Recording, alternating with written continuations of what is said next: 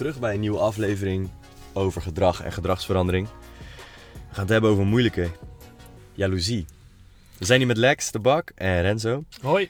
Ehm, ik geef aan jou het woord, Lex. Ja, jaloezie is wel een. eh, het is, het is in, we zijn nu bezig met de tweede serie aan afleveringen. De eerste ging meer over het gereedschap, de praktische verklaring van dingen. En we zijn nu eh, in deze tweede serie van afleveringen bezig met een paar algemene woorden. Proberen we wat meer lading te geven, wat meer te verklaren. Bijvoorbeeld, wat is een millennial bijvoorbeeld? Dat is een soort woord waar natuurlijk een wereld achter zit. En het interessante is dat eh, we krijgen best wel veel vragen ook eh, over jaloezie, jaloers gedrag. Ook vooral in relaties, liefdesrelaties, eh, via onze website binnen. En het is misschien goed om eens uit te leggen wat nou uiteindelijk jaloezie is. Waarom is iemand jaloers?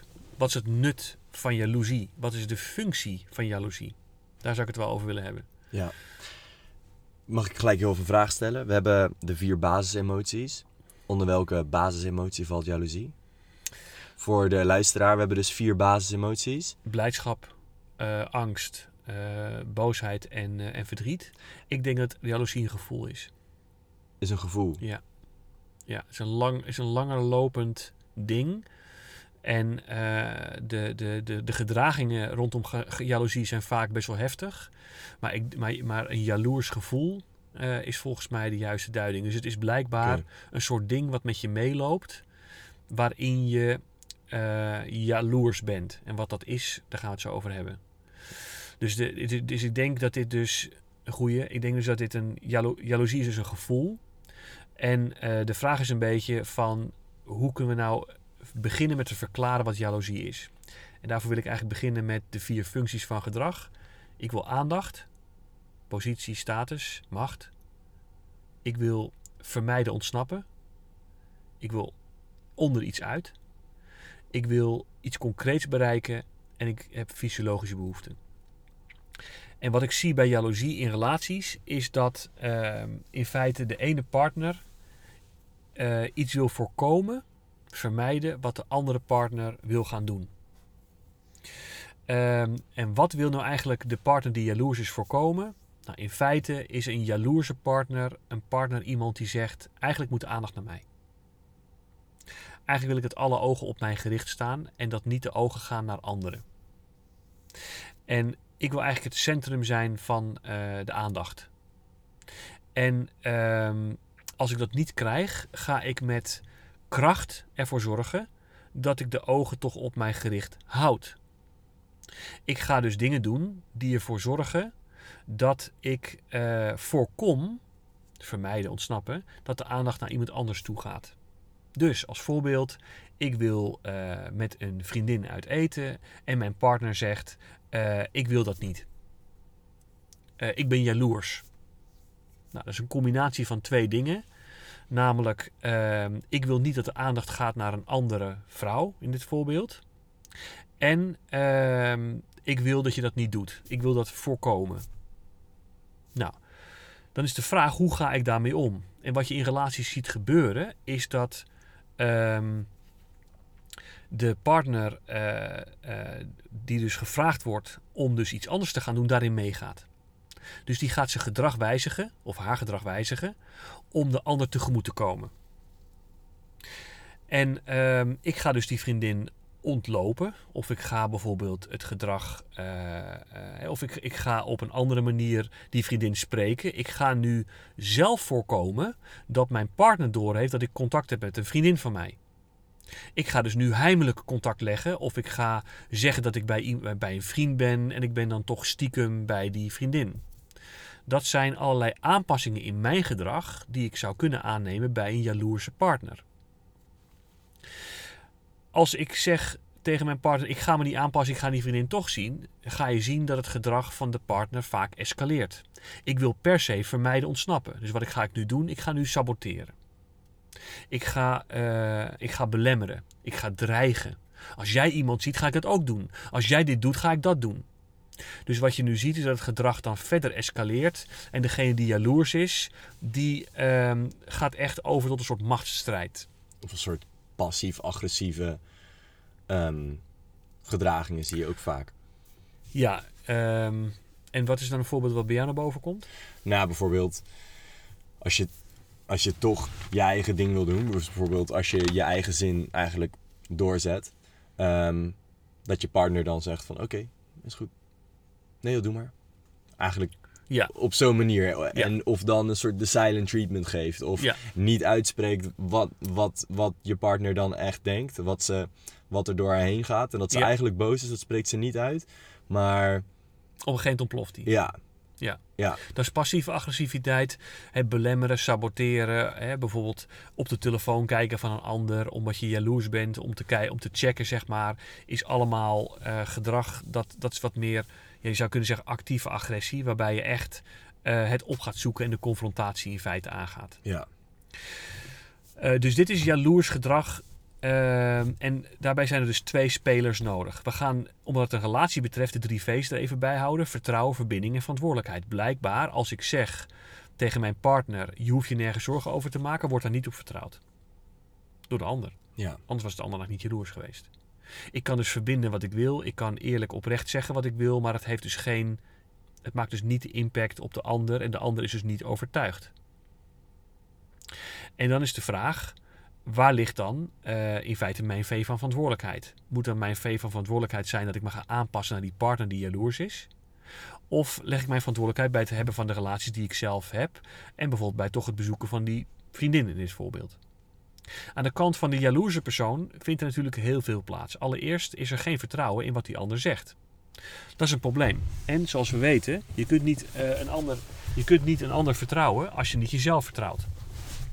Dus de vraag is of iemand die jaloers is zichzelf überhaupt wel vertrouwt. Want als je nou niet de ander kan vertrouwen, zeker als je een partner hebt. En je zou toch zeggen van daar werk je elke dag mee samen. Dus daar moet toch op een gegeven moment wel iets in groeien. Nou, dat is regelmatig niet zo. Ik zie eh, stellen waarin jaloezie zit, eh, zie je 5, 10, 15, 20, 25 jaar met elkaar optrekken, maar ze hebben geen doorontwikkeling gemaakt op het gebied van vertrouwen. Ze vertrouwen elkaar dus in essentie, eh, of een van de twee vertrouwt elkaar niet, of allebei vertrouwen ze elkaar niet, hangt er even vanaf wat voor problemen er spelen. Maar je ziet dus dat je vertrouwen nodig hebt om te vertrouwen op de uitspraken van de ander. En als ik dus niet vertrouw op wat jij zegt, namelijk maak je geen zorgen, je hoeft je niet jaloers te maken, dan, eh, of je niet jaloers te zijn, dan eh, is de vraag wat ga ik dan doen?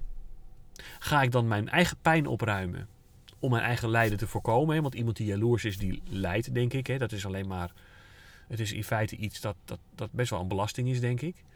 Ga je dan je pijn oplossen, namelijk hoe komt het dan dat je jaloers bent? En waarom heb je geen vertrouwen?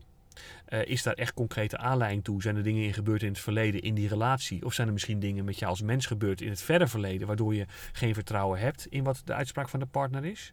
Je ziet ook vaak dat als een partner teleurgesteld is in de ene relatie, dat die teleurstelling wordt getransporteerd naar de volgende relatie. Ja. En dat in feite die relatie met 1-0 achterstand staat, omdat namelijk de pijn niet opgeruimd is van de vorige relatie. En dan soms ook dat de partner tegen de jaloerse partner, tegen de andere partner zegt: Jij moet het vertrouwens, mijn vertrouwensprobleem van mijn vorige partner oplossen. Precies. Dus mijn vorige partner heeft me dit en dit aangedaan. Dus jij moet nu zo en zo handelen of zo en zo Ja. gedragen. En daarmee legt dus de, de jaloerse partner de V van verantwoordelijkheid bij de partner neer. Bij de volgende partner. bij de volgende partner neer. Terwijl de verantwoordelijkheid om het op te ruimen toch echt ligt bij de persoon zelf. Want je bent in feite, als je het oude nog meesleept in de volgende relatie, ben je in feite nog niet klaar, zou je kunnen zeggen, voor de volgende relatie. Hier zijn we op ingegaan. Een voorbeeld hiervan. eh, in de aflevering Wat maakt een goed leven? Helder. Voor de luisteraar. Scrolt u nog even terug. Ja, Dus wat is jaloezie? in de Ja- show notes. In de show notes. Ja. Ehm, wat is jaloezie? Jaloezie is uiteindelijk dus mijn behoefte om de aandacht op mezelf te willen hebben eh, zitten. Ik wil alle ogen op mij gericht. Ik wil in positie zijn en voortdurend voorkomen dat iemand anders mogelijk in positie zou kunnen zijn. En om dat te bereiken ga ik dus vermijden ontsnappen aan eh, het verliezen van die aandacht. Ik ga dus van alles doen om ervoor te zorgen dat eh, die persoon, mijn partner in feite, naar mij luistert en doet wat ik wil. Nou, en nu krijgen we een belangrijke gedragsregel die we tot nu toe nog niet hebben genoemd. Eerder in de afleveringen. Alles wat je aandacht geeft, groeit. Als er één ding is wat je met jaloezie moet doen als partner, is dit die jaloezie zo min mogelijk aandacht geven. Het is een verantwoordelijkheid van de persoon zelf en niet van de ander. En wat je vaak ziet verkeerd gaan, is dat men daadwerkelijk eh, overtuigd raakt door de die jaloerse partner, dat de, de ander moet meebewegen met de jaloezie van die partner. Nee, de partner die jaloers is, heeft iets te doen, denk ik, op het gebied van vertrouwen, het, het, eh, open verbinden. En ehm, het laatste wat je in feite moet doen, is die jaloezie voeden en groter maken.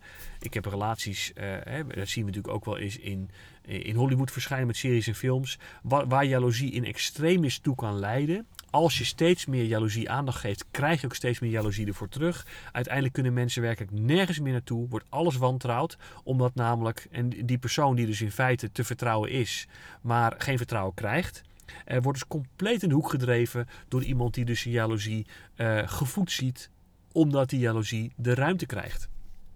Nee, jaloezie is iets wat je zou moeten oplossen. Je zal vertrouwen moeten hebben in jezelf, vertrouwen moeten hebben in je partner. Ga ermee aan de slag en zorg ervoor dat je niet de relatie saboteert. Want jaloezie is simpelweg een vorm van relatiesabotage. En als wij in een relatie zitten, jij bent heel erg jaloers. Um, ik geef jouw jaloezie geen aandacht. Of in ieder geval minder aandacht zodat het kan gaan doven. Gaat het bij jou dan eerst ontploffen of neemt het af? Ja, wat je zal zien natuurlijk is dat als ik mijn zin niet krijg en wel gewend ben mijn zin te krijgen, dat ik verder zal escaleren. Ik zal dus gaan saboteren. Ik zou misschien een emotionele uitbarsting krijgen. Ik ga op allerlei manieren proberen om jou dus, om toch jou eronder te krijgen, om jou toch naar mijn wil te laten buigen. Dat is wat je aan praktisch gedrag zal zien. En ehm, dat vraagt dus ook uh, behoorlijk wat stevigheid aan jouw kant, om namelijk stoïcijns dat op te vangen en te zeggen, ja, ik ga het toch doen. En, ehm, eh, en, en, en, en het kan heftig oplopen. Er zijn mensen die echt gewoon uh, dreigen, uh, echt, echt saboteren, die echt gewoon dwars gaan liggen, die ook echt fysieke dingen in de omgeving aanpassen, zodat, zodat simpelweg iemand de ander niet kan bezoeken of wat dan ook. Het, is, het loopt soms gigantisch op. Ja, maar nu is het wel zo dat wanneer wanneer is het juist om het toch wel te doen? Dus als uh, mijn partner zegt van hé, hey, um, ik wil niet dat je met die of die vriendin afspreekt of uit eten gaat. Wanneer, wanneer zou je kunnen zeggen, um, heeft zij gelijk? Wanneer is het onjuist voor mij om met iemand anders. Uh, hoe kan ik bepalen of het wel of niet juist is? Uh, om op het etentje te gaan met die vriendin of om naar dat feestje te gaan. Um, waar zij niet heen wil. Of snap je wat ik bedoel? Ja.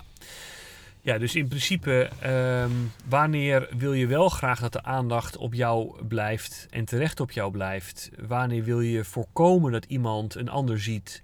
Uh, als blijkt, maar dat is dan alleen als het gebleken is, als iemand blijkt dat hij zich ook aangetrokken kan voelen tot bijvoorbeeld andere mensen. Hè? Dus als je da daadwerkelijk aantoonbaar ziet en kan ervaren dat de relatie wel eens onder druk zou kunnen komen te staan doordat de een andere mensen nog ziet, zeg maar, dan uh, heb je misschien wel een gelegitimeerde reden om te zeggen van nou, ik merk toch jaloezie als je met iemand anders op pad bent, want ik heb het gevoel dat je namelijk uh, wel degelijk oog hebt voor die ander op de verkeerde manier.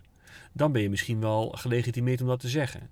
Maar ja. de vraag is of je dat als jaloezie, of je op zoek moet zijn naar, de, naar het gevoel van jaloezie, of dat je in feite gewoon simpelweg moet werken. Nou ja, ik zeg simpelweg, maar dat is voor heel veel mensen niet simpel. Dat je werkt vanuit vertrouwen. En dat je dus uh, de Als check, uitgangspunt. Juist, dat je dus de checkvraag kan stellen. Je wil met die en die vriendin uh, uh, uit eten. Ik maak me wel zorgen ervoor. ik maak me wel zorgen over wat je daadwerkelijk van die vriendin vindt. wil je dat eens uitleggen, hoe je naar haar kijkt? Want het is een leuk iemand of een aantrekkelijk iemand, of je hebt het vaker over of bla bla bla. Hoe moet ik daar naar kijken? Dan ben je in de V van verbinding authentiek en open. Je hebt niet zozeer te maken met een jaloers gevoel. En je, en je werkt vanuit vertrouwen. Dat zou je mensen vooral gunnen. Ja. Ja, dan moet je natuurlijk wel een relatie hebben waar je allebei dus vertrouwen hebt en kan verbinden, waar we het over hebben gehad. Exact. Um, omdat je ook al eerlijk moet kunnen zijn, want je zou dat aan mij kunnen vragen en ik zeg nee, nee, het is mijn zusje. Ja. Terwijl, ik daar, terwijl het eigenlijk gewoon een hele aantrekkelijke vrouw is. En, ja. en ik veel meer van haar vind. Maar ik weet dat als ik dat vertel, dat mijn vriendin of mijn partner jaloers wordt. Ja. En daar niet mee om kan gaan. Dus ik hou dat eigenlijk voor mezelf. Dat is wat je wil voorkomen. Zo'n zo'n houding. Dus dan moet je in feite weer teruggeven van luister eens. Ik begrijp dat jij een, een, een vraag stelt die ik heel erg waardeer. En die ook uitgaat van vertrouwen. Maar kan ik erop vertrouwen dat jij normaal reageert als ik vertel wat ik werkelijk van haar vind? Dat is een goeie. Hè, dus, dus uiteindelijk, eh, dat is natuurlijk een two-way street, zullen we zeggen. Ja. Hè, dus, dus als jij iets wil we- als jij een echt gesprek wil aangaan, prima. Ja. Maar dan moet je ook een echt gesprek kunnen incasseren. ja, dus als iemand dan iets zegt, als ik jou een kwetsbare vraag stel en jij moet daar kwetsbaar op reageren, Kan- als jij authentiek wil zijn, Juist. kan ik daar dan mee omgaan vervolgens. Precies, Als ik zeg hoeveel bedpartners heb je eigenlijk gehad precies. en jij zegt 120, Ja. kan ik daar dan mee omgaan. Precies. En als ik weet dat ik daar niet mee om kan gaan, Moet je die vraag dan moet wel die stellen. vraag dan wel stellen. Ja. Ja, Maar goed, dat soort dingen. ja. Mooi. Oké. Hey, eh, vertrouwen dat beschadigd is binnen een relatie.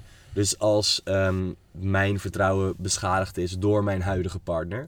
Door concreet gedrag van die huidige partner. Ja. Ja, dan is er natuurlijk alle reden om eh, in feite niet zomaar vanuit vertrouwen te kunnen beginnen. En dan is het logisch dat je in feite probeert grip te houden op wat er gebeurt.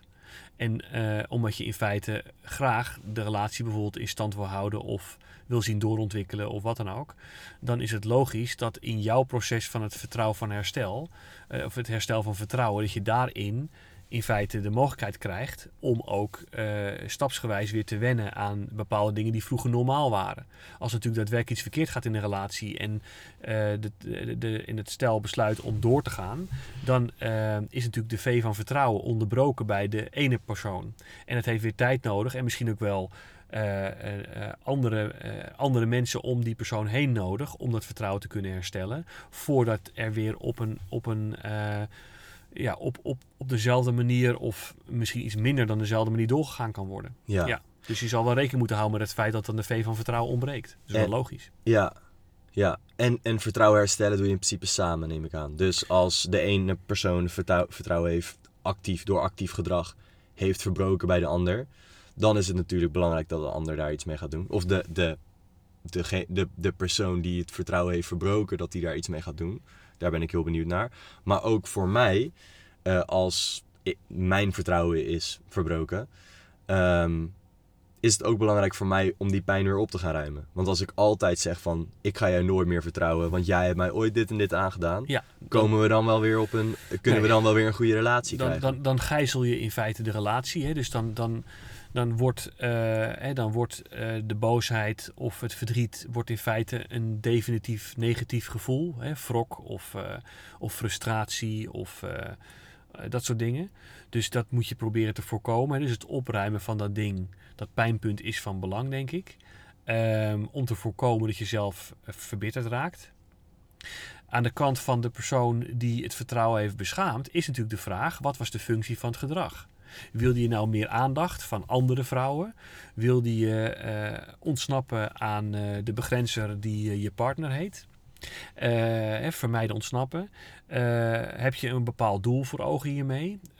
Of op het gebied van fysieke behoeften, intimiteit, seksleven, etc. matchen we wel? Het zijn hele intense dingen, maar dat is uiteindelijk wel de vraag. Want uiteindelijk is er natuurlijk wel een reden geweest. Het gedrag is ook logisch voor degene die het vertrouwen heeft geschonden. Ja. Daar zit ook iets in wat dus logisch is. En eh, hoe pijnlijk dat ook is, de vraag is wel, waar komt dat gedrag dan vandaan? En dan moet je in feite weer kijken naar de vier functies van gedrag, denk ik. Dus zo kun je dus aan de wortel van jaloezie kijken van wat gebeurt er nu? En zeker als een relatie geschiedenis heeft, is er natuurlijk veel in de hand. Maar ik denk dat jaloezie in geen enkel scenario heel functioneel is, denk ik. Eh, het is in feite iets dat eh, je het liefst zou willen voorkomen door elkaar te vertrouwen of door vertrouwen te herstellen. Ja. Is vertrouwen, eh, als je kijkt naar de basisemotie, je zegt dat het gevoel is, zou het voort kunnen komen wel uit angst? Tuurlijk, uiteindelijk natuurlijk is jaloezie vooral gebaseerd op de angst om de ander kwijt te raken of om aandacht te verliezen of om dingen te zien veranderen. Dat is de, de, inderdaad een hele goede eh, toevoeging is dit. Ehm, de, eh, de wortel natuurlijk van jaloezie, de motor achter jaloezie is natuurlijk angst. Ja. Mooi. Mooi. Dankjewel. Ehm Zwaar onderwerp. vraag. Oké. Ja. Hoe, ehm, hoe kan ik hiermee beginnen? Ik ben niet in een relatie, maar ik ben wel heel, jalo- heel jaloers. Dat weet ik van mezelf. Even als voorbeeld. Ja. Ik weet van mezelf dat ik jaloers ben. Ik heb op dit moment geen relatie. Kan ik er nu al iets mee voordat ik een relatie aanga?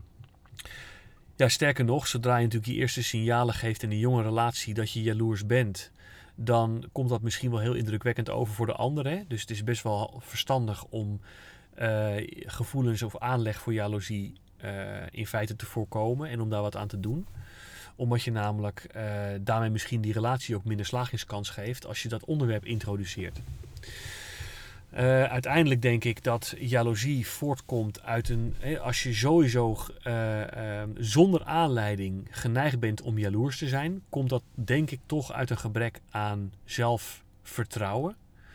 dus blijkbaar kun je niet met vertrouwen in die relatie stappen, omdat je ook misschien jezelf niet vertrouwt. Heb je voldoende eigen waarde? ik ben het waard om een mooie relatie te hebben. Ik ben het waard om niet bedrogen te worden. Of ik ben het waard om uh, dat er voldoende rekening mee wordt gehouden. Eigen waarde, zelfvertrouwen uh, zijn dingen denk ik die, die van belang zijn. En de vraag is natuurlijk, wat is dan de motor achter het gebrek aan zelfvertrouwen of het gebrek aan eigenwaarde? Maar iemand die denk ik zelfvertrouwen heeft, eigen waarde heeft, die ook daadwerkelijk doorleeft ja, ik ben het waard om van gehouden te worden. Ik ben het waard om een relatie mee te hebben. Um, die uh, uh, start op een andere manier aan een relatie dan iemand die denkt van misschien word ik wel weer verlaten of ik ben het niet waard of wat dan ook. Absoluut. Ja. Dus dan, dus dan en is we weer het uitgangspunt, is weer anders. En dan hebben we het weer over het oplossen van pijnpunten of het verlengen van het lijden. He, dus los je het pijnpunt op van te weinig eigenwaarde of zelfvertrouwen, los je het pijnpunt op. Of blijf je een leven lang soms uh, lijden omdat je last hebt van dingen die, waar je geen last van zou hoeven hebben als je voldoende eigenwaarde en zelfwaarde of eigenwaarde en zelfvertrouwen hebt. Mooi, misschien een hele afle waardig voor een hele aflevering nog. Ik ben benieuwd naar de luisteraar. Het is een, het is een, een, een zwaar onderwerp, denk ik. Ja. je net al zei. Dus Ja. ben benieuwd. Stuur uh, als je wil. Stuur vragen in. Stuur um, scenario's in. Precies. En We- misschien kunnen we daar iets mee. Ja. Leuk, Bedankt voor het luisteren. Tot de volgende.